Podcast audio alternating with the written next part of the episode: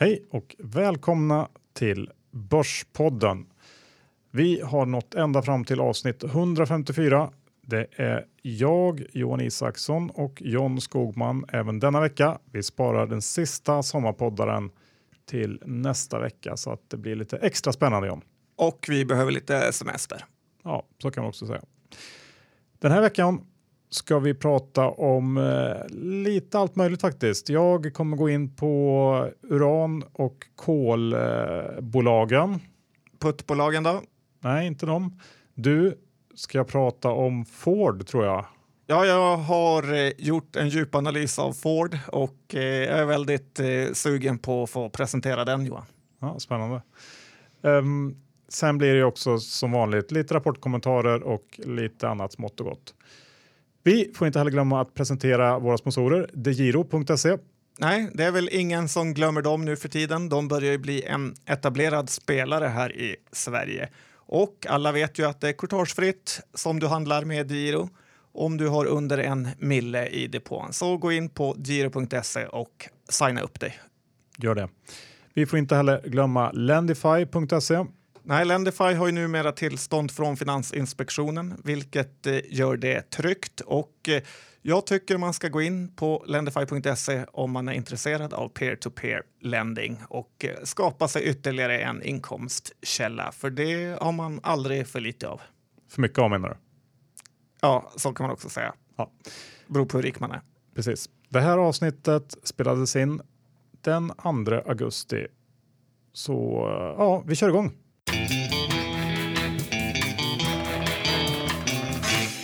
Johan Dr. Bass Isaksson, du har börjat ta i med hårdhandskarna och eh, jobbat ner index här nu de sista dagarna. Det står i 1364 och har väl tappat eh, i alla fall senaste dagarna. Hur eh, ser du på det?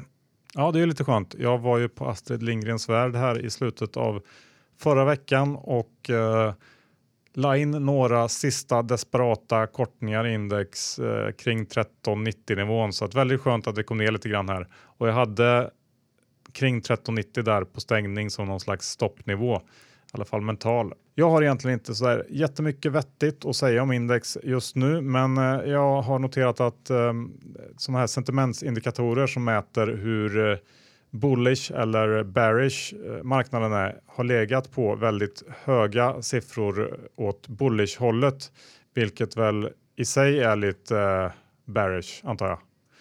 Eh, så det är väl eh, någonting jag tar med mig som vill att börsen ska gå ner. Man kan ju också eh, se att de här så kallade lugnande resultaten från bankernas stresstester i slutet av förra veckan var det inte alls lugna marknaden och att många banker runt om i Europa tar nya all time lows här på löpande band.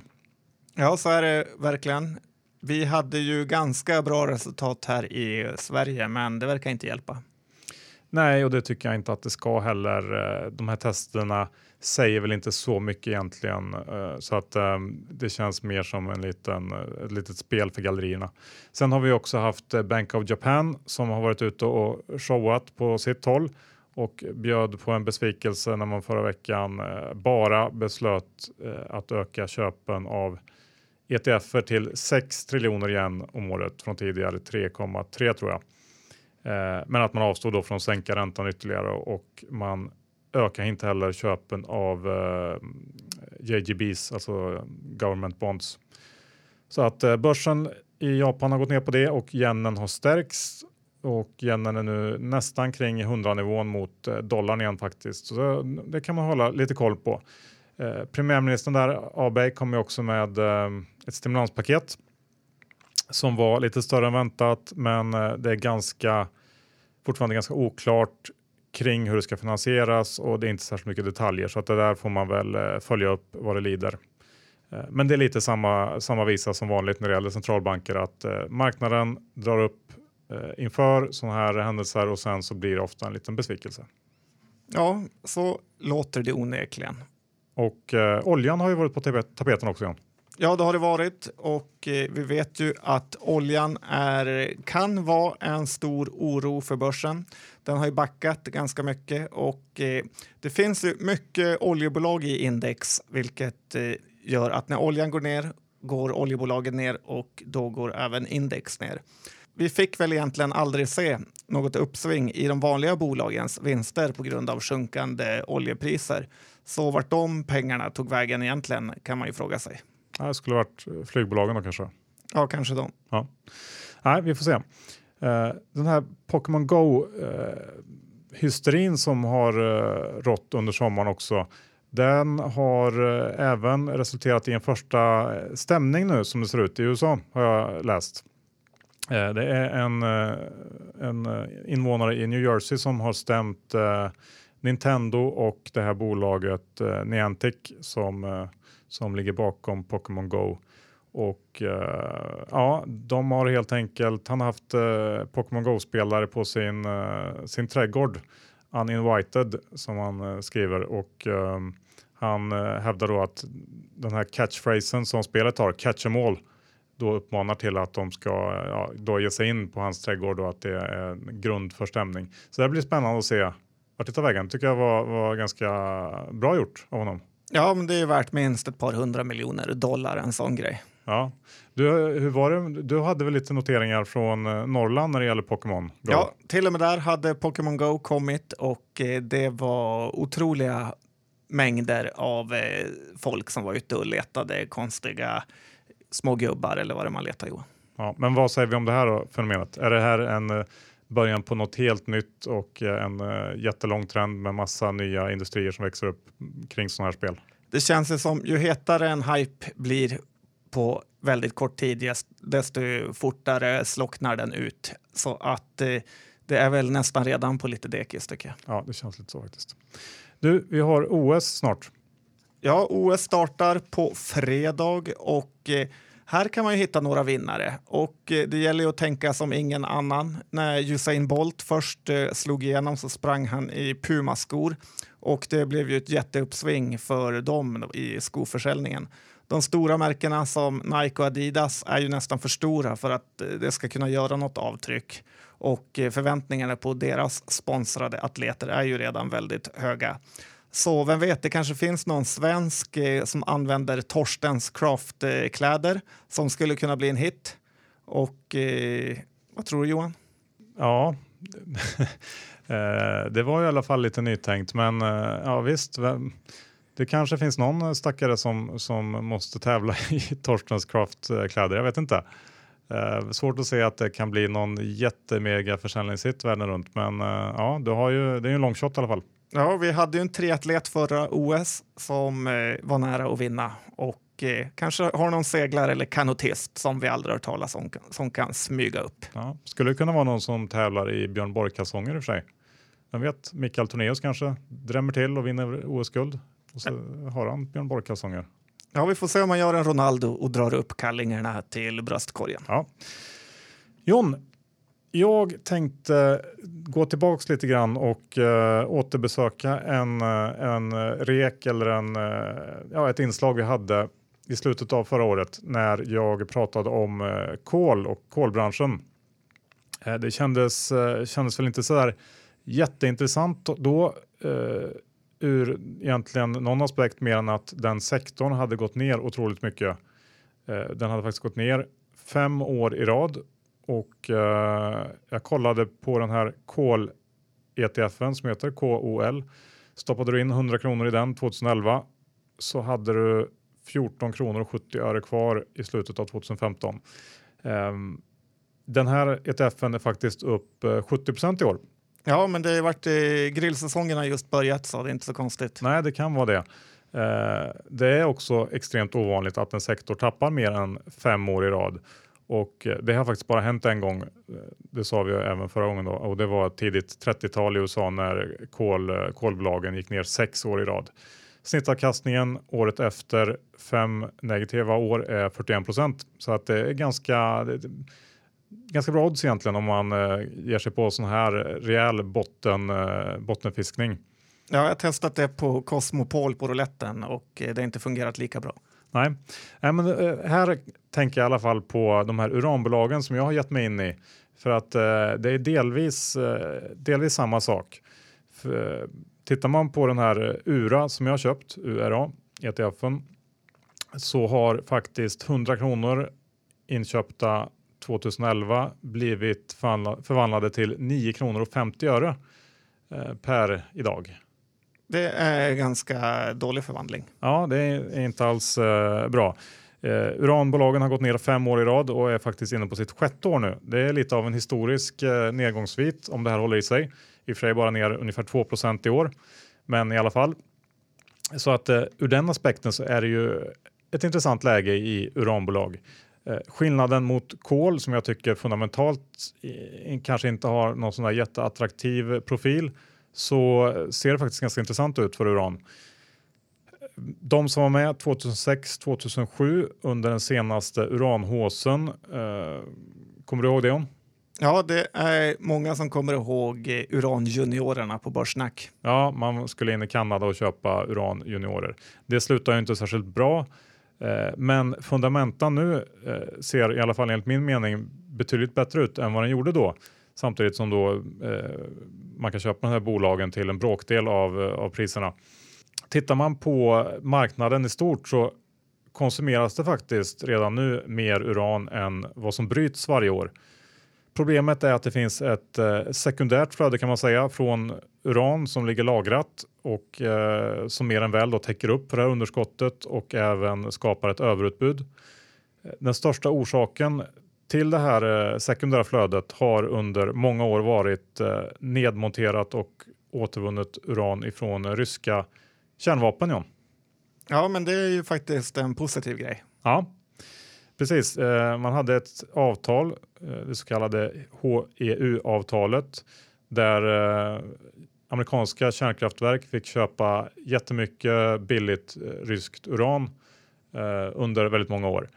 Det här avtalet gjorde faktiskt att ungefär 24 miljoner pounds eh, av uran kom ut på marknaden varje år och det ska man då jämföra med världsproduktionen som ligger kring ungefär 150 miljoner. Så att det är en ganska rejält eh, tillskott. Det intressanta med det här är att 2013 så eh, avslutar man det här avtalet och eh, vi kommer att se ett mycket mindre utbud från sådana här källor kommande år. Eh, det ligger väl fortfarande lite grann kvar i, i diverse lager som gör att det blir en eftersläpningseffekt, men eh, det här kommer att ta slut. Och alla de här åren av usla uranpriser har ju också eh, lett till att investeringar i sektorn har varit låga och eh, nyproduktion av uran kommer också minska kommande år. Och egentligen det som satte spiken i kistan för hela den här branschen var ju Fukushima eh, 2011 Eh, vilket då resulterade i att Japan stängde ner alla sina 54 reaktorer och Tyskland eh, beslutat beslutade sig för att fasa ut kärnkraften helt och eh, Kina sakta ner sina planer. Men den här Fukushima-effekten börjar också avta så att Japan har faktiskt sakta men säkert börjat starta sina reaktorer igen, vilket de måste för att det är, det är svindyrt för dem att importera sitt, sitt bränsle, sin energi utifrån. Och eh, även Kina och Indien har börjat eh, köra igång igen med sina planer på att eh, bygga nytt. Så att eh, tittar man på den, eh, den globala eh, kärn, kärnreaktorsmarknaden så väntas faktiskt antalet reaktorer öka med, med runt 20% globalt sett under sju år som kommer här. Bakar man ihop det här till någon slags eh, sammanfattning eller slutsats så pekar det ju på att utbudet håller på att eh, gå ner samtidigt som efterfrågan går upp. Och John, vad betyder det enligt eh, Economics 101? Då ska priserna gå upp om jag kommer ihåg rätt. Ja, det borde vara så. Eh, vi får se. Det här är ju saker som eh, trögrörlig materia och eh, det är ju ingenting som, som händer över en natt. Men jag, ju mer jag tittar på det här så tycker jag att det ändå känns eh, rätt intressant. Eh, sen finns det ju såklart massa orosmoln. Det är många som pratar om eh, den nya generationens kärnkraft eh, som kräver mycket, mycket mindre uran för att eh, ja, få fram samma mängd eh, el. Men eh, vad jag vet så ligger de här teknikerna fortfarande på ritbordet ungefär. Och det här är ju en väldigt konservativ bransch eh, där eh, nya, nya uppfinningar inte bara kastas in i kärnkraftverk och man testkör lite grann utan det här tar tid så att eh, jag tror att man kan vara ganska lugn ändå. Eh, man ska ju också ha med sig att urankostnaden är ju en väldigt liten del av totalkostnaden när man producerar el i ett eh, kärnkraftverk till skillnad från om du kanske använder någon annan typ av råvara, då brukar det vara merparten av kostnaden. Så att eh, om nu uran skulle gå från dagens 25-30 dollar till eh, säg 150 så skulle inte det göra särskilt mycket på elpriset i slutändan, vilket också är en positiv eh, grej tycker jag.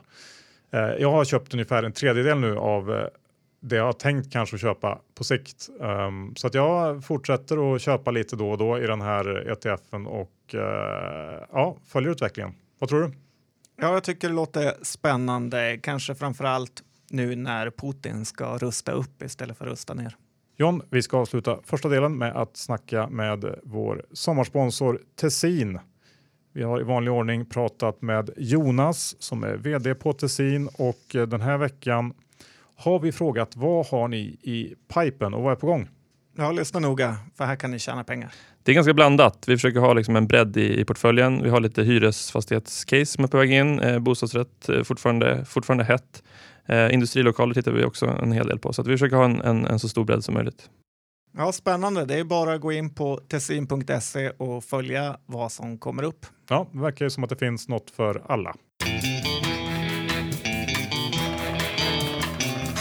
John, vad sägs om att vi börjar bolagssnacket med en liten eh, USA-special? Det tycker jag vi kan göra. Eh, jag tänkte vi kör igång med Ford som du ju har, har eh, ja, snackat lite om här i, i förväg. Ja, och eh, de kom in med en rapport som var ungefär som väntat. Dock eh, hade de utsikten att andra halvåret kommer bli lite sämre än det första och eh, det här fick aktien att reagera med en saftig nedgång på ungefär 8% Jag var ju tvungen att gräva lite djupare här då jag har svårt att förstå hur ett klassiskt företag som Ford kan värderas till P6 och med en direktavkastning på nästan 5% Särskilt med tanke på att underleverantörerna värderas till det dubbla, typ Autoliv. Så för att gå igenom grundfakta så har Ford ett börsvärde på cirka 50 miljarder dollar. Dessutom har fordonsverksamheten en nettokassa på ungefär 14 miljarder dollar. Och eh, så här långt eh, ser det ju väldigt eh, bra ut.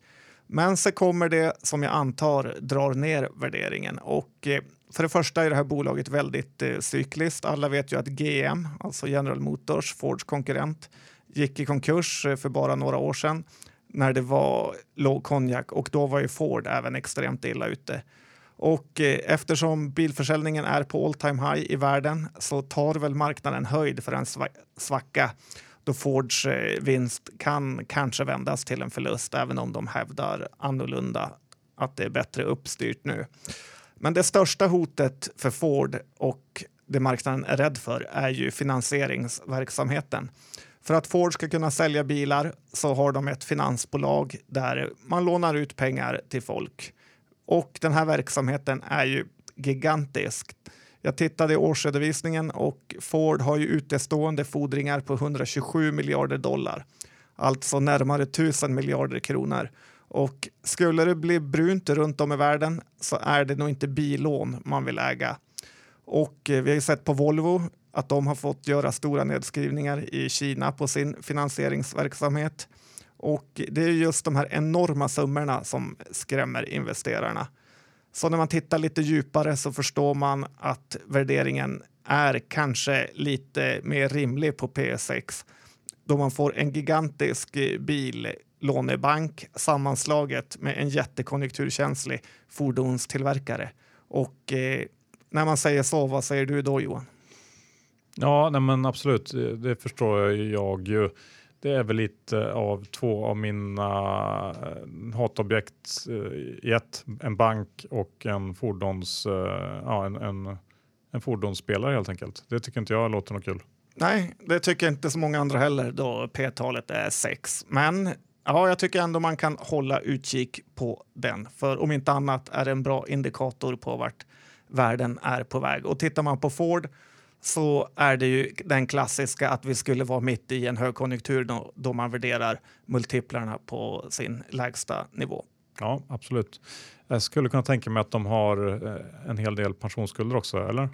Ja, det har de också. Mm. Inte lika som kring 2008, men såklart, det är eh, lite brunt därmed. Ja.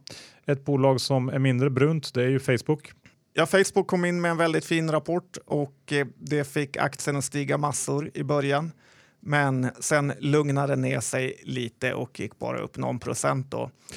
Facebook börjar hamna i samma läge som Apple när bolaget är så gigantiskt att eh, stiger bolaget 1% så ökar börsvärdet med 3,5 miljarder dollar och eh, det är ungefär 30 miljarder kronor. Så jag säger igen, om Facebook stiger 1 så stiger börsvärdet med 30 miljarder. Och det är nästan så gigantiskt att man inte kan fatta vilka siffror det är. Apple och Microsoft är fortfarande större såklart, men Facebook börjar komma upp till ett av världens absolut största bolag. Och eh, ni som har lyssnat länge på den här podden kommer ihåg när Robert Aldin köprekade Facebook för två och ett halvt år sedan. Och då snackade ju vi, liksom alla andra, hur de skulle komma in i mobilen och eh, Robert eh, svarade lugnt att det där fixar de och det kan man ju lugnt eh, säga att de har gjort. Facebook, Instagram och WhatsApp. Det är ju tre appar som nästan hela jorden använder dagligen. Och en annan grej med Facebook är ju att de kommer in på nya och nyare marknader hela tiden. Ett bett som verkar helt säkert i dagsläget är ju Blocket. Men Facebook har ju mer och mer specialiserade grupper för just köp och sälj på nästan allt du vill köpa runt eh, om i Sverige eller i jorden. Så att jag skulle tippa här att eh, det är inte lika säkert att Blocket är lika stora som nu om eh, två år.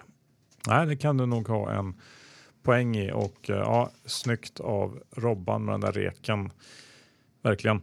Netflix då, ja. de har ju också rapporterat. Ja, den här rapporten var ju däremot ganska dålig och eh, det är svårt att veta vad som styr sådana här aktier. Det känns mest eh, lite av en slump vad marknaden hittar på.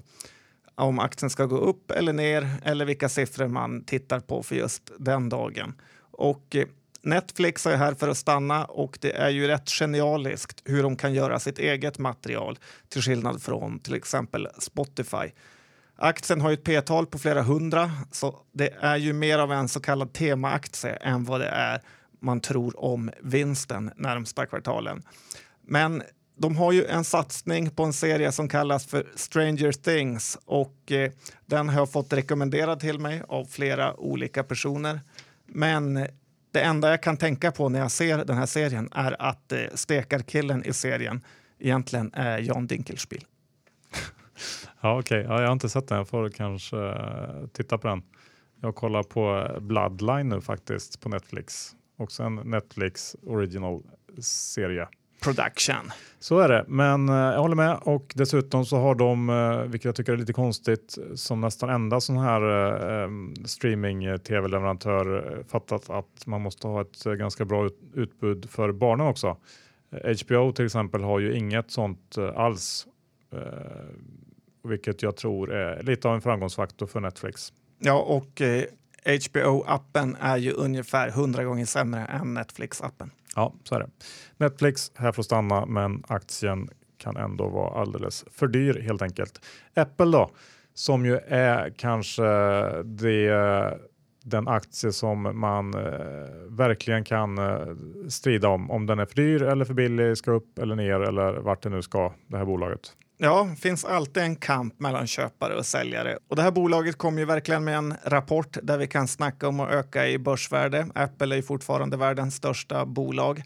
Aktien var upp eh, 6-7 procent och eh, Apple hade ju det sköna läget där förväntningarna för en gångs skull var låga. Och det är ju alltid bra för aktien. Det säljs ju väldigt mycket iPhones och eh, har man väl startat med en iPhone så vill man ju inte bara lägga av för man är ju verkligen infångad i hela deras system. Jag tycker ändå att det är lite konstigt att ända sedan Steve Jobs dog har Apple inte kommit på något egentligen nytt. Lite större iPhones, lite större iPads, men egentligen inget viktigt. Tänk vad han hade kunnat fått göra om han fått leva i tio år till Johan. Spiltan då, eh, ett helt annat bolag. Ja, Spiltan har ju gått upp väldigt bra sista tiden, men nu börjar de komma i ett litet eh, problem i och med att rabatten har blivit väldigt stor i Spiltan-aktien. det här har ju hänt i takt med att Paradox har vuxit och blivit en stor eller alltför stor del, tycker en del, av själva Spiltan-aktien. Och det kommer ju vara så att ju större värde Paradox får, desto högre kommer rabatten också bli i Spiltan-aktien. Detta eftersom man såklart eh, hellre äger en, en Paradox-aktie som handlas dagligen än en som handlas en gång i månaden. Och det ska bli kul att se här hur Per H Börjesson agerar. Buffett startar ju återköp i Berkshire när premien mot bokfört när värde närmar sig 20 procent och eh, detta är för hans bokförda värde är långt under substansvärdet. Så rabatten är stor nu i Spiltan och eh, det ska bli väldigt intressant att se hur de agerar här. Du som, eh, som är Spiltan-aktieägare, vad, vad skulle du vilja se att Per H gör? Jag är nog för att man ska sälja ut lite mer Paradox-aktier för att eh, investera dem på annat håll. Ja. ja, vi får se. Just det, Studsvik kom ju faktiskt redan förra veckan med det här beskedet som jag pratade om i förra podden, alltså att eh, affären med EDF är klar, vilket är väldigt skönt eftersom den verksamheten som man sålde går på knäna minst sagt just nu. Eh, man kommer att eh, återköpa 100 av de 300 miljoner man har utestående i ett obligationslån så fort det går och eh, det är bra för den här obligationen satte man ju i början av året när den finansiella situationen för Studsvik inte såg så där jätteljus ut. Eh, räntan löper på Stibor plus eh, 6,5 procent så att eh, det lättar räntebetalningarna lite grann framöver. Så skönt att det är klart och nu kan ledningen eh, titta framåt helt enkelt. Senjon har ju faktiskt G5 Entertainment rapporterat och eh, det är faktiskt lite av uh, samma visa varje gång när jag läser G5s rapporter tycker jag. Att du är negativ eller? Ja, ja nej men uh, aktien har ju gått upp uh, ungefär 10% sedan rapportdagen här förra veckan och jag förstår faktiskt inte riktigt varför. Aktiveringar och kursdifferenser står för i princip hela resultatet och tittar man på kassaflödet så är det noll eller kanske det var svagt negativt. Jag kommer inte ihåg. Eh, de tjänar inga pengar. Så är det bara. Så eh, de här 10 procenten som aktien har gått upp, då, det är 10 procent för mycket. Eh, sälj helt enkelt. Ja, men då är det precis som vanligt. Då. Ja, så vi behöver inte prata mer om det. Loomis har också rapporterat. Ja, det här var en fin rapport för första gången på länge. Äntligen är de som köpte i den stora placingen lite, lite på plus. Och eh, det här ändrar tyvärr inte min känsla för bolaget, utan jag tror det här är ett långsiktigt sälj. Värderingen har ju kommit ner lite, men den är absolut inte den självklara P 10 som den var för tre fyra år sedan. Vi får väl se hur framtiden går, men jag skulle inte köpa Loomis det skulle i så fall vara om de kom på något nytt område att tjäna pengar på i och med deras stora transportnärvaro. Att de blir budbil eller kanske blomsterbud, Johan. Ja, det skulle ju vara en rejäl vändning. Det känns osannolikt så att eh, jag håller med dig. Vi eh, håller nog fast i vår eh, lite lätt negativa syn där.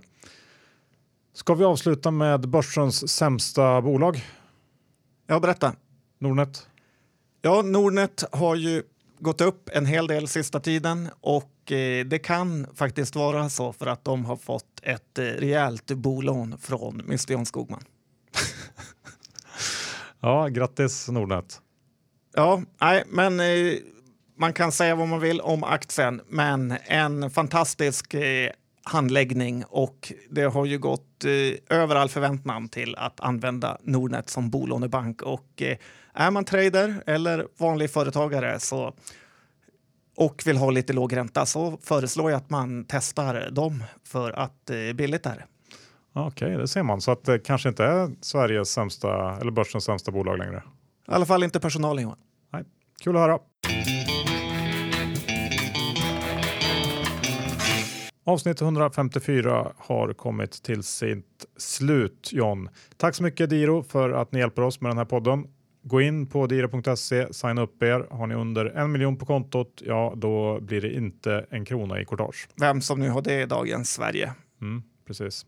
Och Ni som vill ha en eh, annan typ av intäktsström, ni går in på Lendify. Ja, det gör man. Gå in på lendify.se nu med tillstånd från Finansinspektionen. Precis. Och kika även in på vår sommarsponsor tessin.se. Mycket intressant på gång där. Signa upp er på nyhetsbrevet så missar ni inte några möjligheter över, överhuvudtaget. Nej, Så är det va? ja, det finns ju några, men inte i fastighetssektorn. John, jag äger av bolagen vi har pratat om eh, Studsvik och eh, ETFen URA. Börjar bli mer och mer prata i din egen bok nu Johan, för din skull. Ja, jag vet inte riktigt om... Eh, ja, så kan man säga. Du då? Jag har Spiltan aktier och jag har bolån på Nordnet. Härligt. Jag har även kort eh, diverse olika index. Eh, bara för sakens skull. Kul att höra. Det var ingen som tvekade i och för sig. Tack så mycket för att ni lyssnade. Nästa vecka kommer en ny spännande sommarpoddare som får typ ta och avsluta sommaren och eh, efter det så är det höst. Ja, då kommer vintern som de säger i en annan eh, HBO Classic. Så är det. Ha det fint så hörs vi om en vecka. Tack och hej.